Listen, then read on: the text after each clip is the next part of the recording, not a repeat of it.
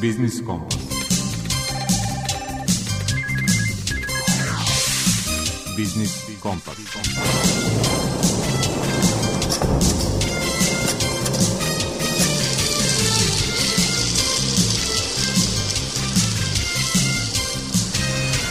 Pred mikrofonom je Đuro Vukilić.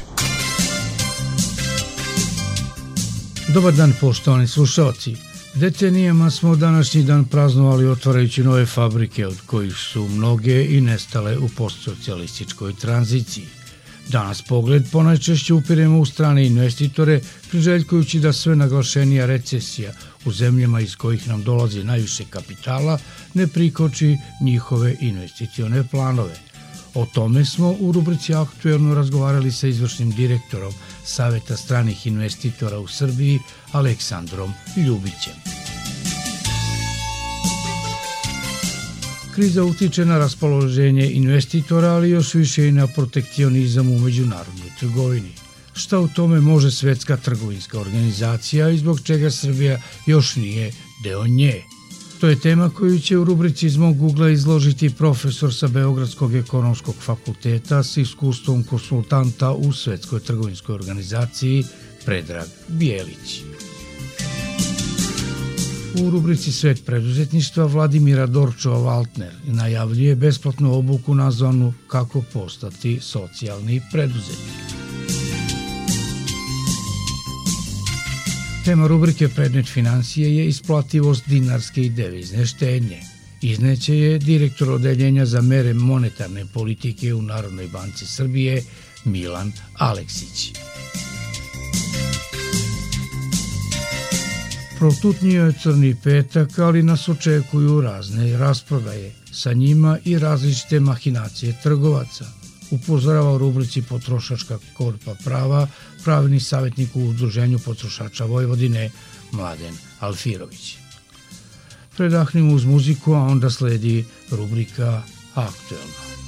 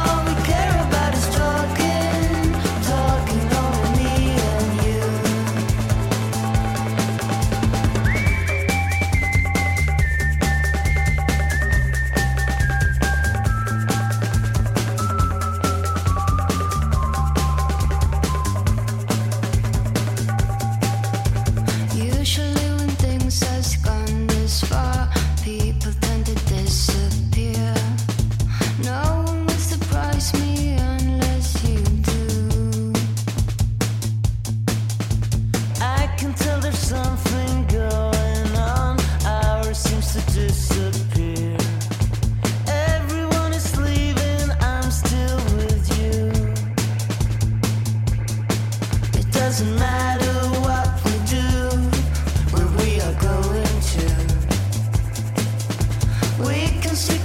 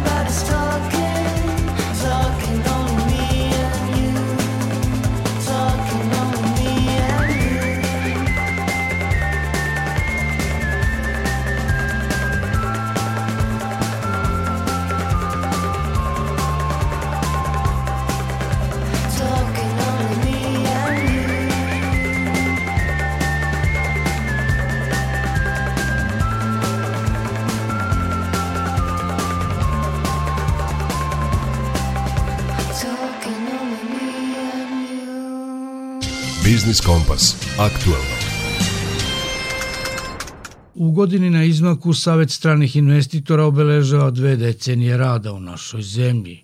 Dovoljno vremena da se podvuče linija – izvršnog direktora Saveta stranih investitora u Srbiji Aleksandra Ljubića, pitali smo šta se u te dve decenije promenilo u pogledu investicionog ambijenta kod nas. Puno toga se promenilo, Srbija se promenila. Pre 20 godina 14 kompanije je osnovalo Savet stranih investitora. To su prve strane kompanije koje su došle u Srbiju Danas mi imamo preko 120 kompanija koji su članice FIK posluju u Republici Srbiji.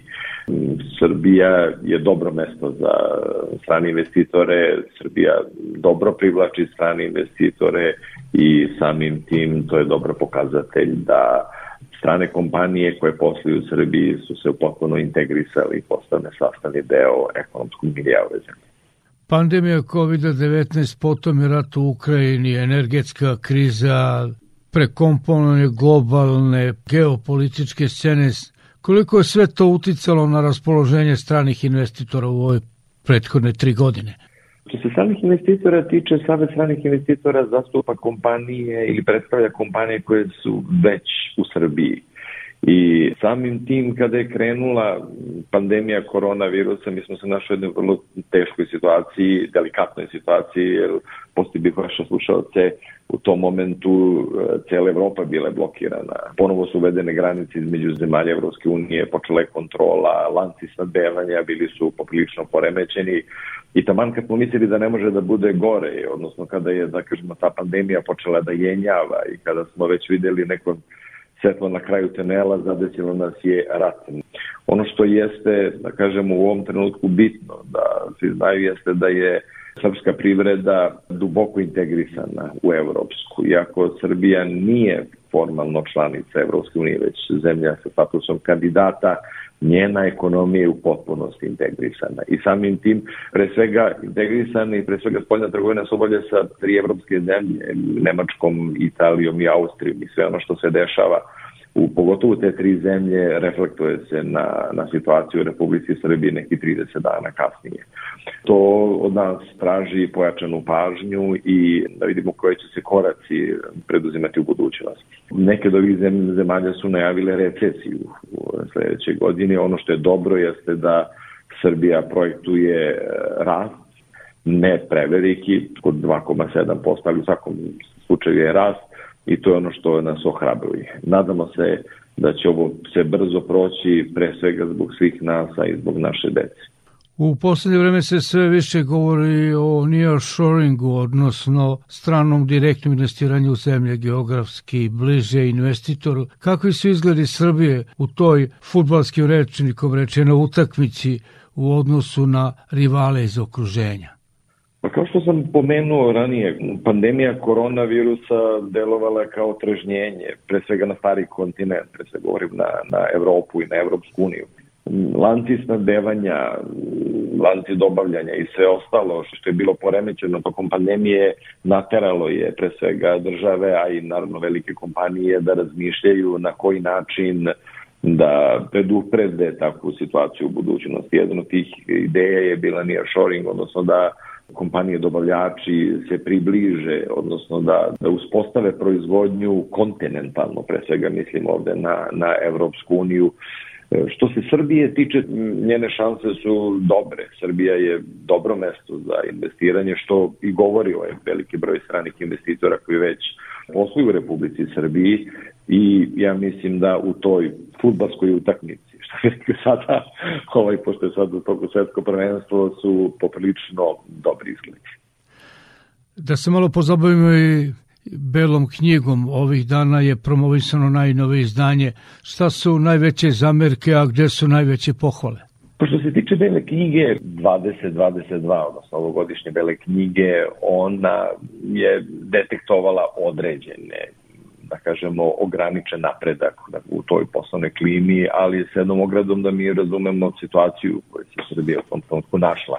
Pre svega, govorimo ono, izlazak iz pandemije koronavirusa, početak rata, skokovi cena, energenata, skokovi cena, repromaterijala i svega ostalog, ali i da ne zaboravimo da je protekle godine je bila izborna godina za Republiku Srbiju, tako da većinom godine parlament nije ni radio, pa nije ni mogao da donosi e, izmene i dopune e, u tom zakonodavnom okviru. Ono što je prepoznato kao pomak i u takvim uslovima pred protekle godine jeste u domenu elektronske trgovine i digitalizacije. Postiti bi da smo mi neko ko se za to jako puno zalaži, to smo počeli da radimo i tokom te pandemije koronavirusa i smatramo da je taj postupak digitalizacije jako bitan za Srbiju, jer on pojeftinjuje proizvodnju, čini efikasnijom i e, samo komuniciranje sa državom čini mnogo više efikasnim.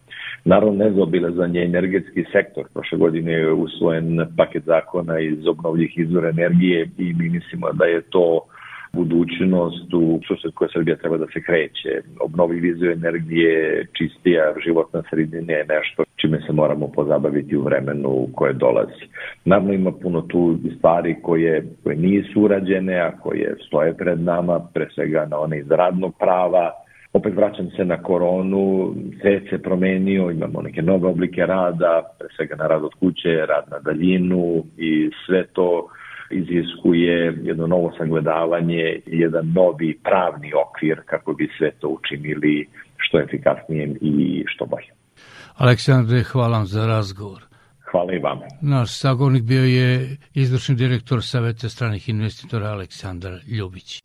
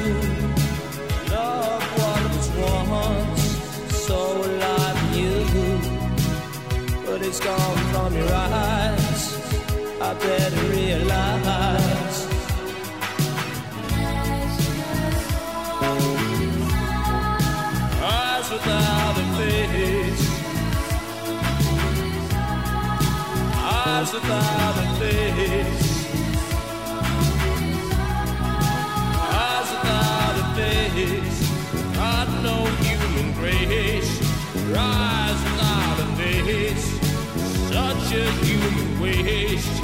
Rise without a face. know it's getting worse.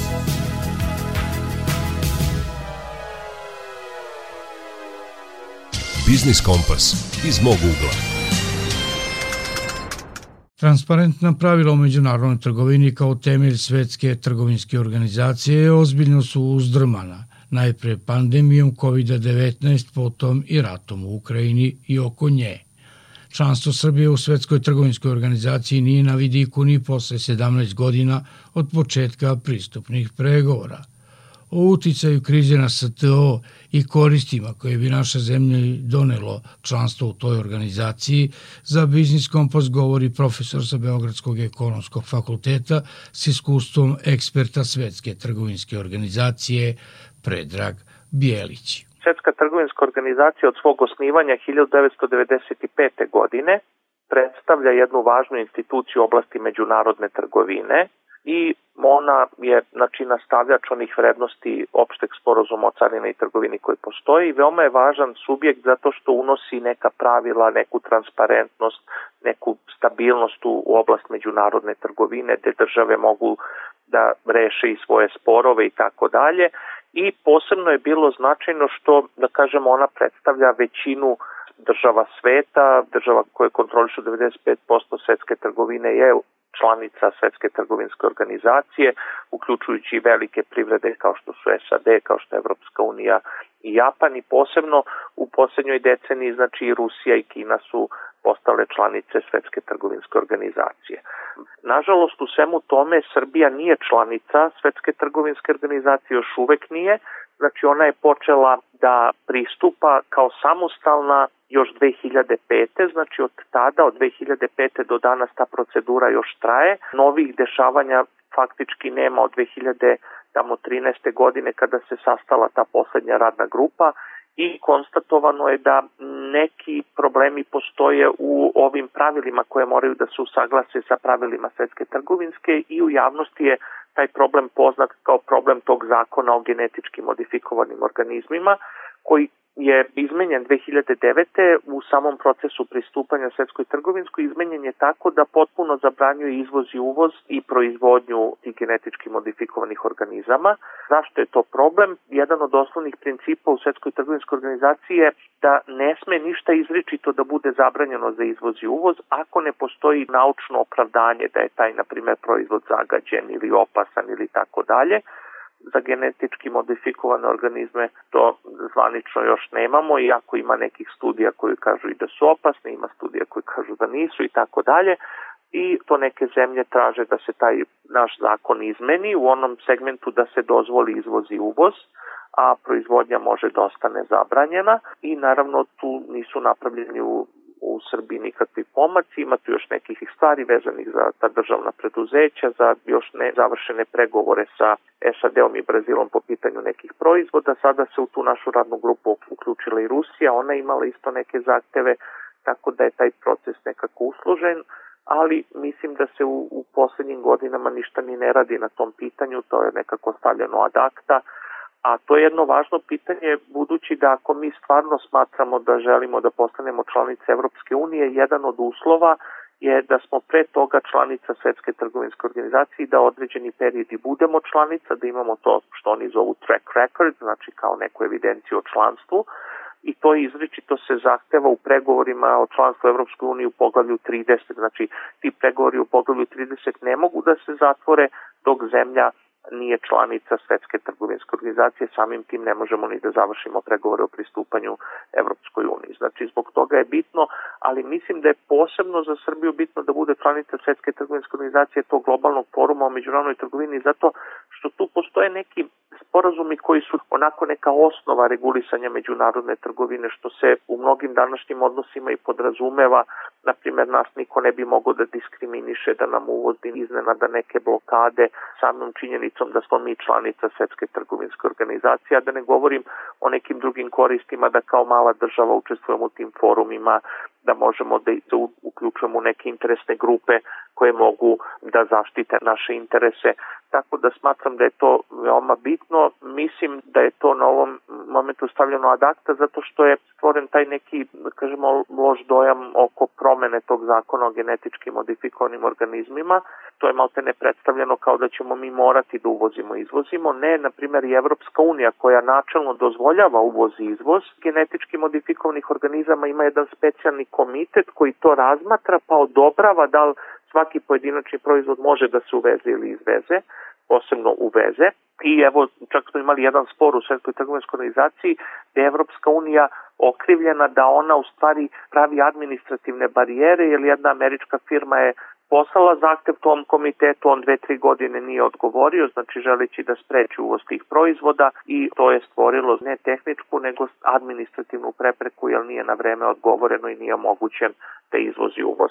Takve režime slične ima i Švajcarska i još neke zemlje, znači samim tim što mi dozvoljavamo deklarativno izvoz i uvoz, to ne znači da to u praksi može tako, znači može da se razvije taj specifični mehanizam koji proverava sve te proizvode, a s druge strane i većina ljudi koji smatra da su ti proizvodi štetni, znači mi danas nemamo načina da zabranimo njihov uvoz i, na primer, direktno ili indirektno ti proizvodi to spevaju na naše tržište ili kao neka sirovina ili u nekom prerađenom obliku, nekom proizvodu koji to sadrži, tako da to nam nije neka sigurnost i zaštita. Smatram da mnogo više gubimo time što nismo članica svetske trgovinske nego da kažemo nekim potencijalnim koristima što smo se zatvorili za uvoz i izvoz takve vrste proizvoda, budući da ti proizvodi postaju sve značajniji, posebno u ovom delu Amerike.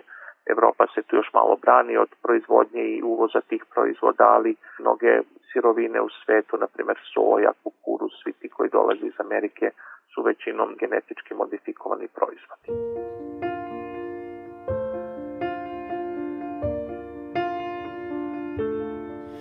Step one, you say we need to talk. He walks, you say sit down, it's just talk. He smiles politely back at you. You stare politely right on through some sort of window to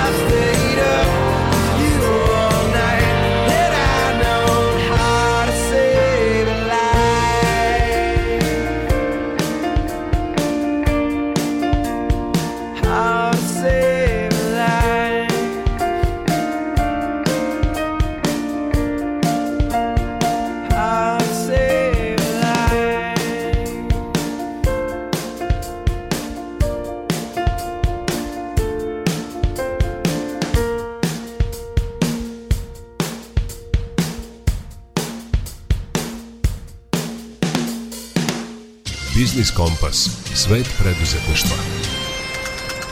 Centar za proaktivno poslovanje Biznis Nova organizuje obuku nazvanu Kako postati socijalni preduzetnik, a koja se realizuje u okviru projekta Jaki mladi preduzetnici. O sadržaju obuke govori rukovodilac projekta Vladimira Dorčova Valtner. Ova obuka se u stvari realizuje od 7. do 15.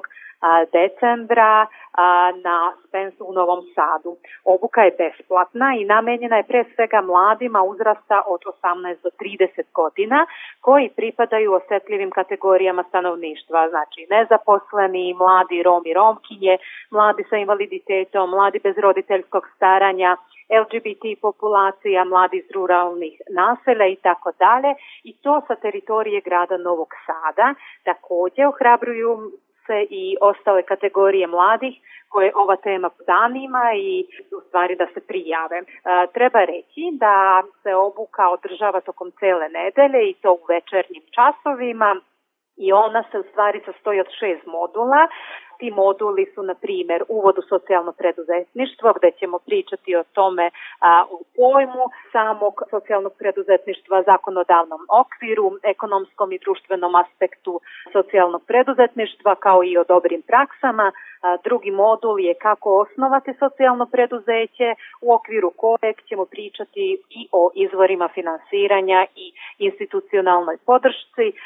Treći modul se tiče finansijske pismenosti, a sledeći moduli a, će obrađivati teme kao što su a, strateško planiranje i izrada poslovnog plana, marketing i prodaja, a taj poslednji modul šesti obrađuje teme i približava veštine za upravljanje socijalnim preduzećem u koje spadaju veština komuniciranja i pregovaranja, upravljanje vremenom, stresom, timski rad i liderske veštine kao i javni nastup.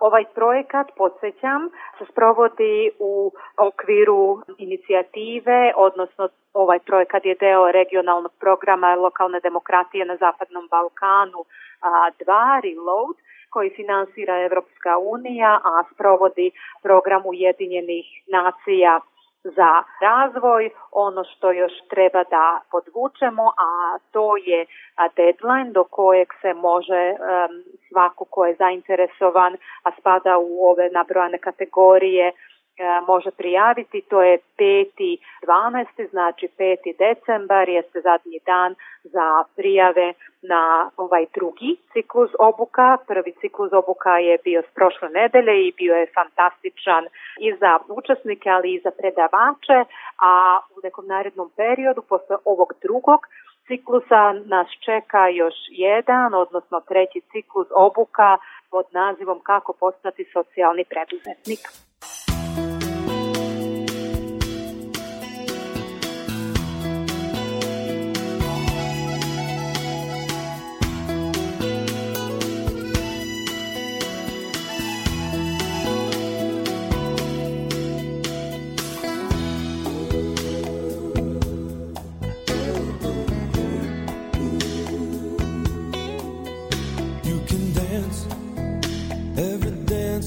the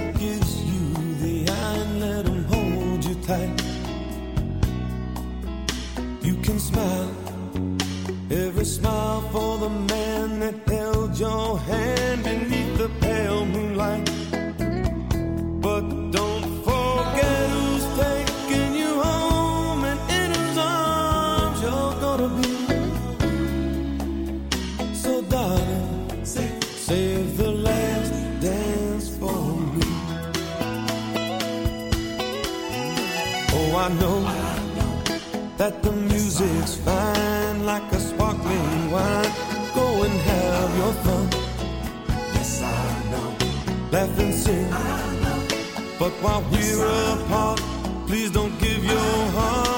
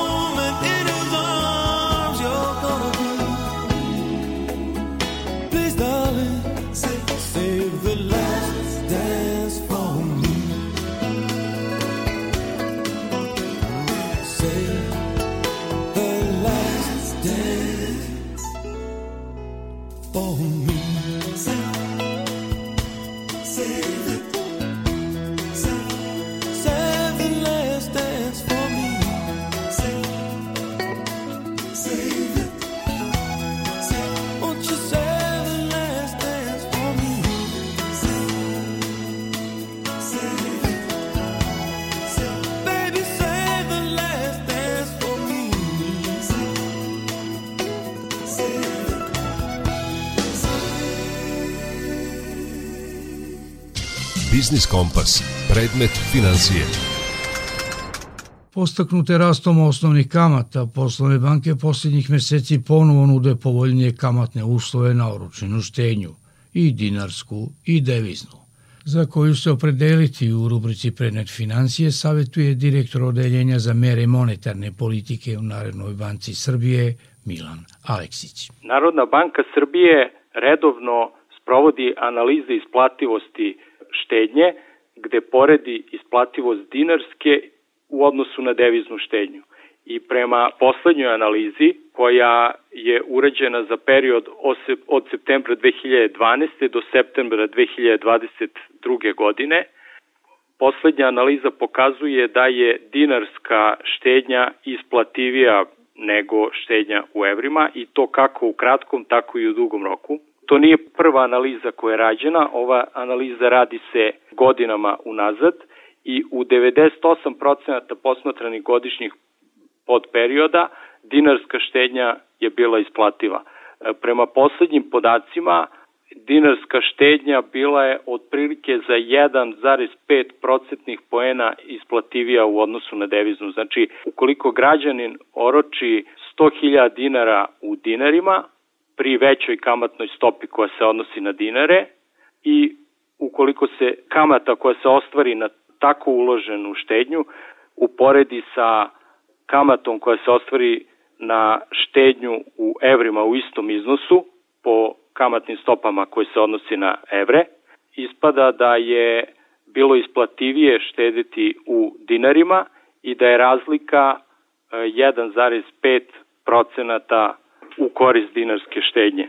Na ovu razliku treba dodati i činjenicu da se dinarska štednja ne oporezuje, odnosno kamata na dinarsku štednju da nije podložna oporezivanju za razliku od kamate na deviznu štednju. Tako da ispada po analizama koje smo mi do sada sprovodili, e, dinarska štednja je bila u poslednjih 10 godina isplativija od devizne štednje.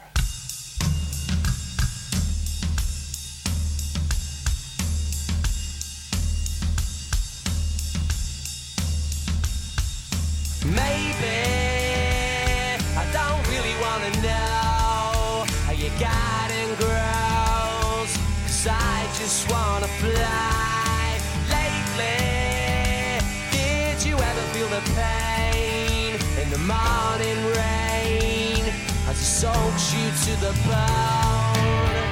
Well, Maybe I just wanna fly. Wanna live but don't wanna die? Maybe I just wanna breathe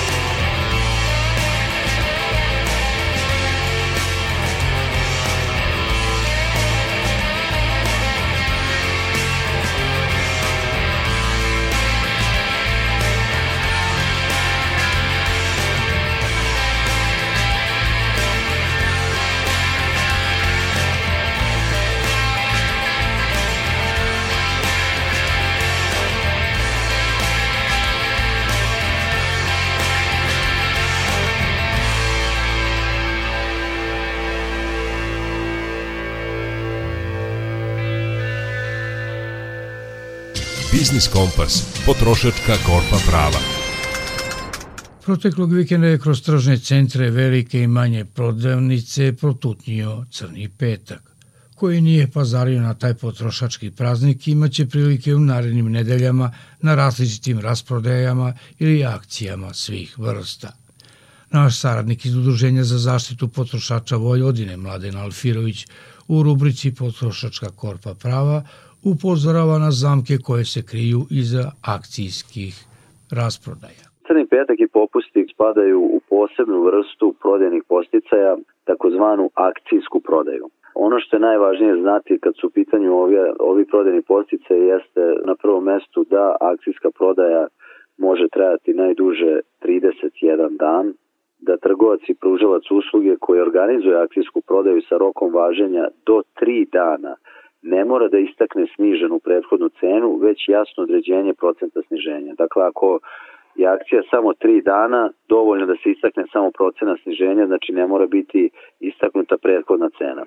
Ovo je odredba u zakonu o trgovini protiv koje smo se bunili, ne samo mi, već i ostale potrošačke organizacije, ali nažalost ona je ušla u, u zakon o trgovini, tako da smatramo da čak i za ta tri dana ovako formulisana odredba omogućava nekim trgovcima da se bave raznoraznim manipulacijama i u budućnosti ćemo se boriti da i stara cena mora da bude istaknuta bez obzira što je samo tri dana akcija.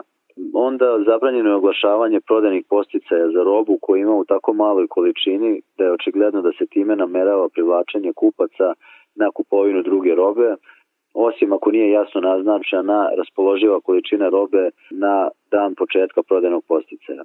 U praksi ste verovatno se susretali sa tim kao kupci i potrošači da neko oglašava velika sniženja, velike popuste, viđali ste te bombastične reklame sa uh, upadljivim natpisima, sa velikim procentima sniženja, međutim kad uđete unutra shvatite da se zapravo radi o zanemarljivo maloj količini robe i onda na taj način trgovci pokušavaju da vas obmanu na način da vi kupite nešto drugo zapravo, samo da uđete u taj objekat i da, da nešto pazarite. Ta pojava je zabranjena na osnovu zakona o trgovini tržišna inspekcija bi trebalo to malo češće da, da kontroliše u praksi. E sad ono što je takođe bitno, kod oglašavanja procenta sniženja, najveći procent sniženja može da se navede ukoliko se odnosi na najmanje jednu petinu robe u asortimanu trgovca na svakom prodajnom mestu na koje se prodajni posticaj odnosi. To u praksi znači da ako vi vidite na izlogu procena sniženja recimo do 50%, do 70%, da u tom objektu, u toj prodavnici mora biti najmanje jedna petina robe koja je snižena baš u tom procentu. A često se događa da recimo potrošači privuče ih ta, ta reklama od 50-70% i oni shvate da zapravo samo nekoliko artikala je sniženo, a svi ostali imaju znatno manji procenat sniženja. Takođe, zabranjeno je oglašavanje prodanih posticaja kojima se oglašava navodna rasprodaja ili prividno sniženje cene robe, obim sniženja ili slično, ako je ranija cena neistinito prikazana ili je roba, odnosno usluga bila ponuđena po ranijoj ceni u zanemarljivo kratkom periodu. E, ovo je zapravo primjer gde smo se susreli sa najvećim brojem e, mahinacija na tržištu i kršenja ovog dela zakonske odredbe, gde recimo neki trgovci neposredno pred oglašavanje prodenog posticaja povećaju cenu, pa je drže recimo samo 2-3 dana i onda oglase to sniženje i onda zapravo potrošači koji nisu u stanju to da isprata, velika većina i ne može to da prati zato što trebalo bi da, da idemo sa nekim blokom i da upisujemo cene kako bi mogli da budemo upoznati sa sa starim i novim cenama, onda, onda je zapravo to prividno sniženje i lažni popust. Dakle, vi ako neposredno pred oglašavanje poticaja povećate cenu, pa onda oglasite sniženje, zapravo je to ona stara cena. Ništa praktično nije ni, ni sniženo. E sad, kao što smo rekli, za, vezano za ovu tačku 5, tu mi uvek pozivamo potrošače na, na poseban oprez, jer kao što sam rekao, uočili smo da trgovci najčešće u praksi krše ovu zakonsku odredbu, i svakako, kao što sam rekao, ovu pojavu nije lako ispratiti i očiti, pa zato uvek pozivamo potrošače da uspeju da uoče ovakve pojave, da takve slučajeve prijave nadležnoj tržišnoj inspekciji. Još jedan važan apel kada je u pitanju online trgovina, apelujemo na potrošače da robu i usluge na ovaj način kupuju samo od registrovanih prodavaca, jer prodavac koji je registrovan na platformi putem e, koje prodaje robu i usluge mora navesti podatke o svojoj identifikaciji kao što su naziv firme, adresa, sedišta firme, kontakt, telefon, a u nekim slučajevima PIB i matični broj. Jer samo na taj način ste onda sigurni da kupujete od pravnog lica i da ako se desi bilo kakav problem sa robom, da tu robu možete da vratite, da zamenite i da ostvarite svoja prava po zakonu o zaštiti potrošača, a ono osnovno i najvažnije pravo jeste da sva roba koja je kupljena na daljinu, van poslovnih prostorija, odnosno putem telefona, putem interneta, može da se vrati u roku od 14 dana bez navođenja bilo kakvih razloga i u tom slučaju prodavac je obavezi da vrati eventualno uplaćen novac u istom tom roku. I ono što je možda i najvažnije, trgovci koji krše svoje zakonske obaveze za gore opisane prekršaje mogu se kazniti na licu mesta putem prekršenog naloga, a u slučaju nekog težeg prekršaja kazna se kreće od 500.000 do 2 miliona dinara. I mi uvek pozivamo i apelujemo na potrošače da sve što mogu prijave jer samo sankcionisanjem putem prekršenog naloga koje je novina u zakonu o zaštiti potrošača i zakonu o trgovini možemo doprineti opštoj funkciji zaštite potrošača i smanjiti nepravilnosti na tržištu i kršenje propisa od strane e, trgovaca.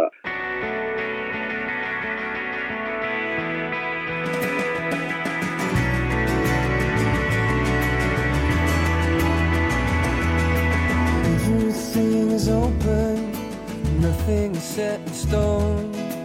Rivers turn to ocean, ocean's tide you home.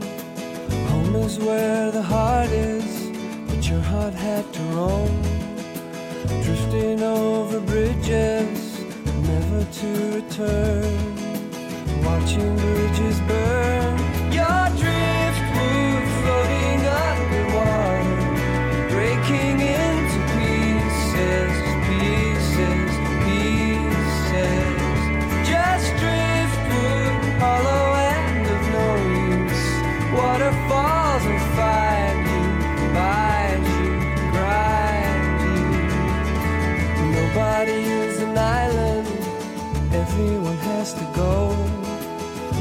Turn to butter, butter flying low. Low is where your heart is, but your heart has to grow. Drifting under bridges, never with the flow.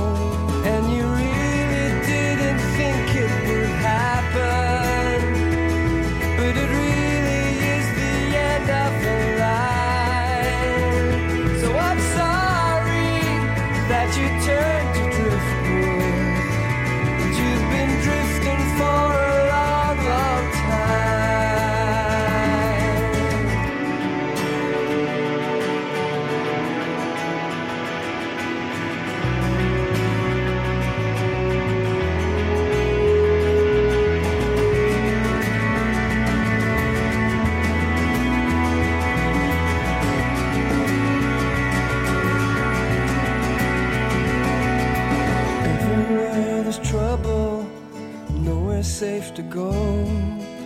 Pushes turn to shovels, shoveling the snow. Frozen, you have chosen the path you wish to go. Drifting now forever and forevermore till you reach your shore.